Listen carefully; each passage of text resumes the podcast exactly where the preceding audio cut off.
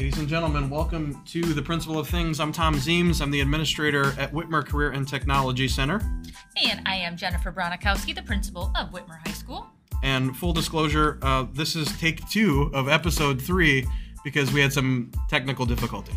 And let me be clear Tom has such an amazing podcast voice that they were actually sound issues, and the sound issues were mine. I'm so I will the- own the if sound. you if you go farther into the podcast, um, it's both of us.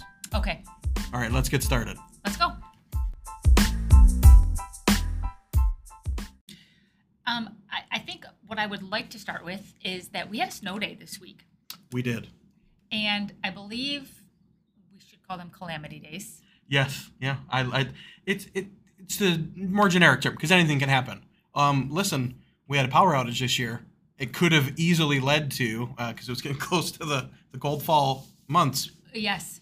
So the calamity day it was, but this time it was actually due to snow, Snow, and we had a lot of snow. Um, and but but and this is what we we so the delay the the closure came Tuesday night for a Wednesday snow day, and um, gosh, and like that's so helpful to families, right? Like it, it was absolutely so. Then we come in early in the morning, and I was sending cheeky pictures to our admin team of, hold on, guys, I wish I had parked in my garage because there wasn't a lot of snow. Mhm.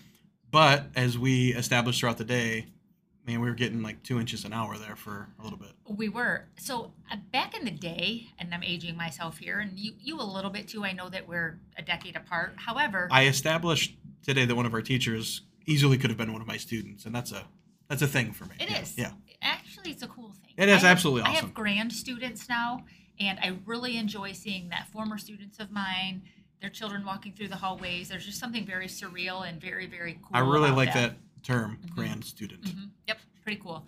So back to the snow days. Sorry. We used to have to wait for them to scroll along, and I would always start at like Acadia, Mhm. and here we were waiting for Washington local. So you would sit through the entire alphabet and all the schools in Oh, your area. oh yeah.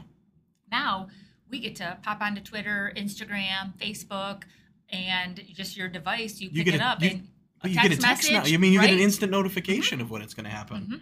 Uh, so it led to, uh, listen, all of that led to talking about. Okay, so it's Tuesday night. We get the alert, right? We get that in our group text. We get Mm-hmm. the. I get the uh, graphic. Hey, we're closing for tomorrow. And I reached out to the group with some really uh, pertinent question. Mhm. Um, my son is eight, goes to one of our elementary schools. My my other son's five. When is it is it okay to withhold that information from my children because gosh my eight year old was reading so quietly and wonderfully and we used to struggle with the reading uh, my five year old and my my one year old are playing together on the floor quietly and then you're painting this awesome hallmark yes oh i mean it, image. and it's not how my family is. It's always chaos at bedtime. Um, and so I now to your credit, what was your text immediately? Right away. You got to You tell gotta them. tell 'em. You, You got to gotta- tell they them. gotta like, know. It's yeah, exciting. Yeah, that's me though, Yeah. unfortunately. And I would, again, back to what I was like as a mom. I probably stirred up chaos Mhm. that didn't need to happen, and then afterwards, like, why did you tell them? So I'm very happy that you did not, in fact, heed my answer to the question. However, I so they're they're playing quiet, and I texted the group. They're playing so quietly together. It's crazy. And then just before it's bedtime, and and, and there's that selfishness of it's bedtime, and a little bit of adulting can happen. You could tell Mhm. Caroline was winding down. She's our youngest, and so it's bedtime, and and the oldest says, "Dad." We need to get the spoons for under the pillow, and we need to go flush the ice. and I just didn't have it in me to tell them. Uh, 'cause he could- and he says, "Cause we want a lot of snow," and I'm like, "Yes, I don't." And I just had to tell him. Um, and ironically, they didn't get crazy, and they didn't go crazy. They just were like, "Oh, that's really great. I get to be home tomorrow." And they shuffled off the bed. And maybe that's peace of mind. Probably. Maybe the thought was, I don't have to worry about this anymore because I get to sleep in. So good night. And so we had that snow day. We were here together as a Mhm, team. And, Um, and, and where did we park? Which was a beautiful thing. So one of the we're a comprehensive high school. We have career and technology here on site, um, and you know, unfortunately, on days like that, our students can't be working in the labs, Mhm. but it does leave an unused auto lab. Um, super convenient for when it was really starting to snow. A few of us um, had the great idea to go park inside where it was warm. Yes, so when it was time to leave, there Yeah. was no and by the time we did leave, uh, crews were just starting to roll in to start clearing snow, and so we were hoping like we could help with that. And Mhm. my and what a nice. productive day. Yeah. Our, our snow day when we're here, we know we've talked before about having big projects and struggling to get them really off the ground when we have students in the building, which is great because that's not what we should be doing anyway. Right. Having said that, when you have a snow day, it's like this gift of time. Like here are some things that you can get accomplished and not worry that you're not a student, prioritizing right, yeah. students or not prioritizing. And we miss our students. We love our students, and that's why we know we're here. Hey, Oh, come on in! Come on in! the It's open door policy. The open door policy. Sorry, we're very excited. What- Come on in. just- This is one of our counselors, Miss Mac. And, and if there's a best in the business, it is Miss McNamara. It's too late. Have a seat. Have a seat. This is. And she is she's saying, "What is laughing. this?" She's, she's- saying, "What is this?" Uh, Right. Listener, listener, listener. Uh, it's been two episodes since we've had this happen. Welcome to the open door policy, Miss Mac. So, Mrs. Bronikowski and I are recording our podcast, "The Principle of Things." Okay. And we're happy to have you And as, we're- as a we're guest. so I am excited to so have excited. You I couldn't be more excited. this is starting the weekend off. The listener, she also looks a little nervous, but but it's am. important to note that Mrs. McNamara has a son who is in theater, so this is sort of putting her in an Ooh, impromptu spot. Yep. Experience is, too. but, but I'm not the theater. Right. That's okay. Just So- support him so really well. when when we have an open door uh, policy here, we just we ask just kind of one question of our guest. I'm gonna let Mrs. Bronikowski ask this one. so my question is going to be, what's your celebration for today? My celebration for today was actually, it's funny that you ask. So the UT football recruiter stopped in to say hi. And I asked him about one of our former students who we actually worked a ton with, Mr.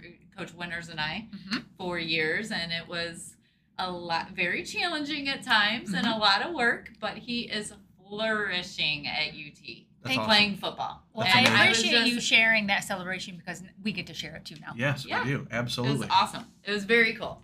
So So, Mrs. Mack, thank you for stopping in. Uh, we'll get to your. Well, I'll let you get to Mrs. Bronikowski and ask the important question since the door's open. But welcome to episode three.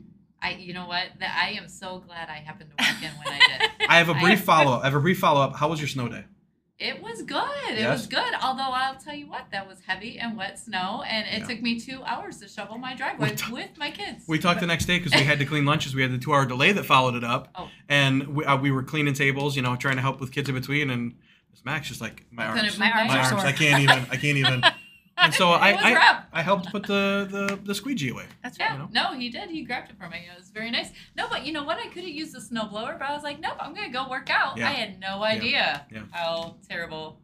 But you still have gonna be, work but out. you still have ideas a couple days later when you're remaining I do. sore, right? do. I forgot that that tricep was a muscle. Yeah, right. Yeah. I know.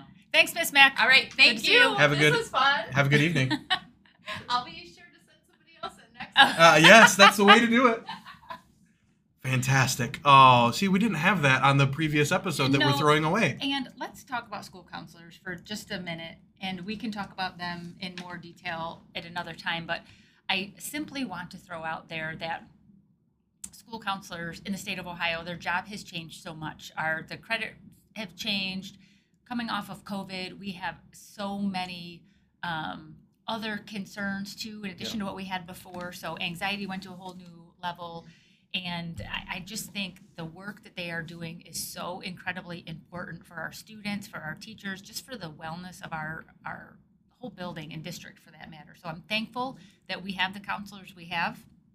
I'm thankful that our district supports counselors and believes that they're imperative even in our elementary buildings and all of our buildings.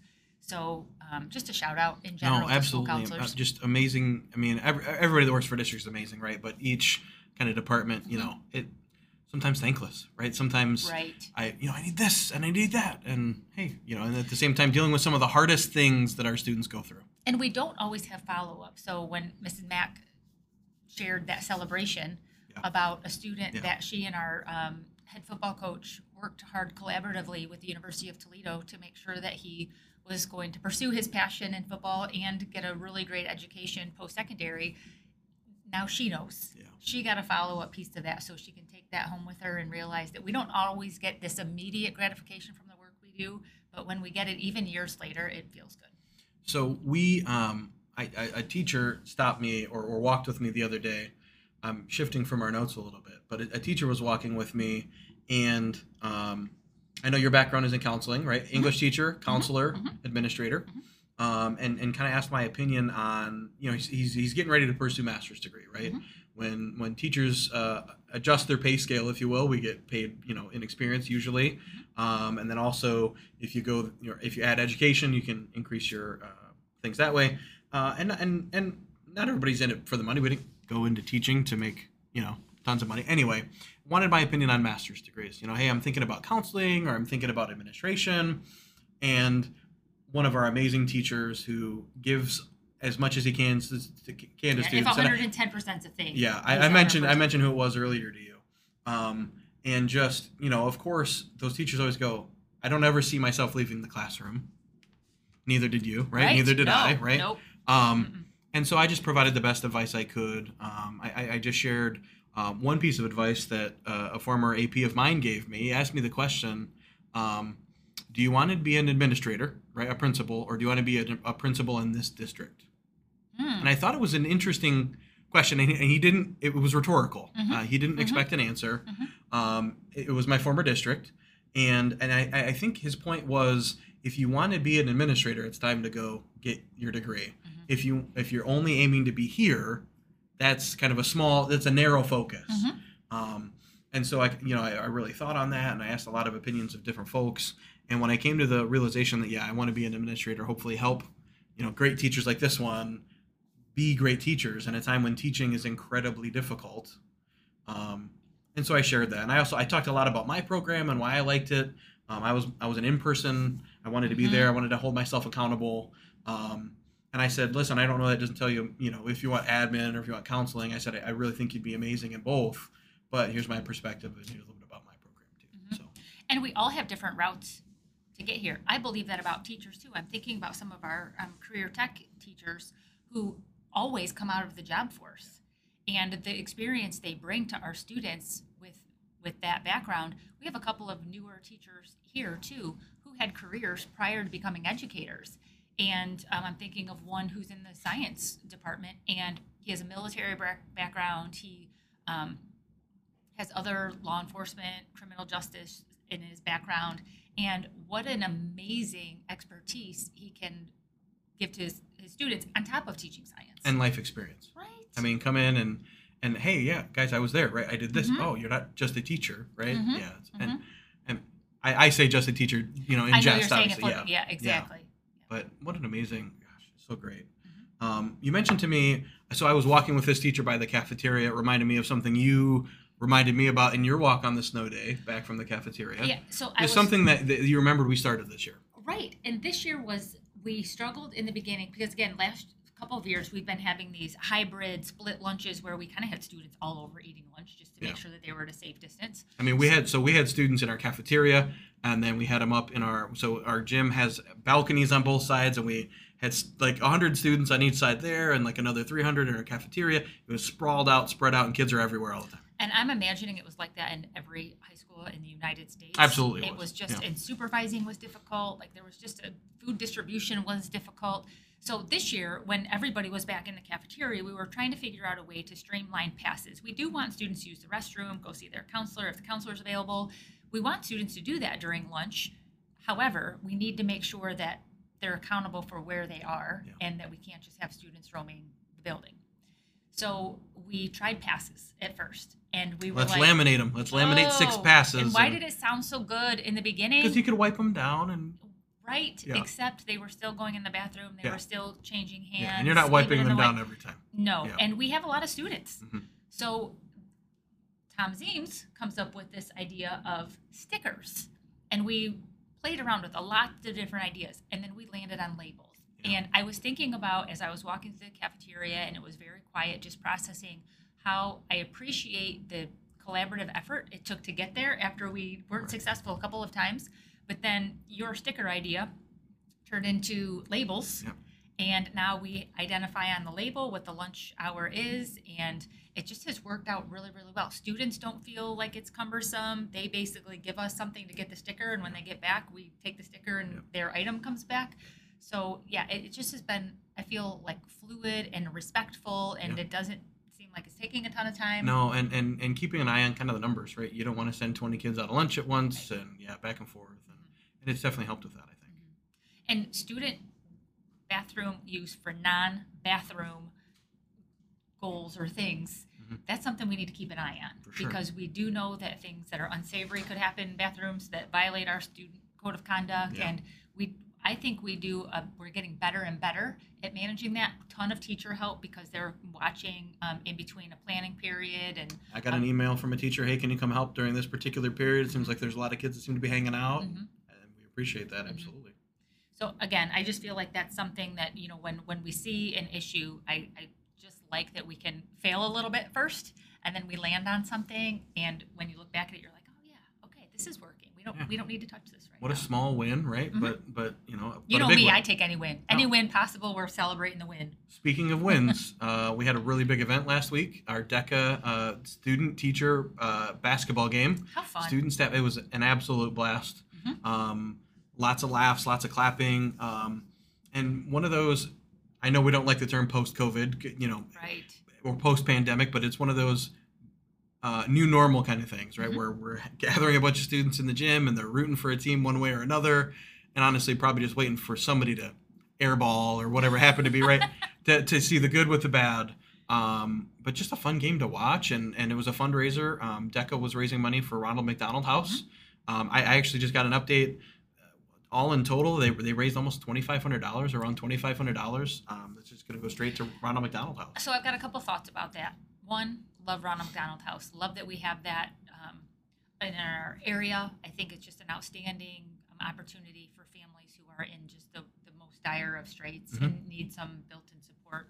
Um, second, I just would love to talk about the bravery of students who are coming into this new normal we're redeveloping, who don't have role models and seeing students do and create Yeah, because students ran the entire the event. entire event. So they brought us a proposal. We looked at the proposal. We gave some feedback. We kicked it back to them. They took it back to their teacher in their classroom. They brought it back to us. So I mean, we went back and forth four, five, six times Yep. just to organize a little bit better. And we could tell the nervousness in the students because they know it's a big deal when you're giving 2,200 students the opportunity to come see an event.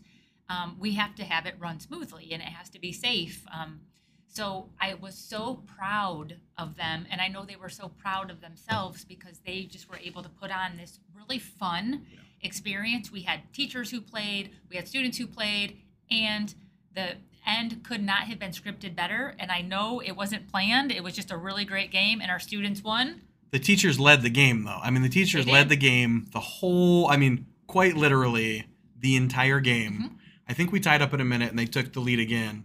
And then at the end of the game, it's 35 33 with seconds on the clock. and uh, three point student shot. It's up, it's good, and a one point student victory.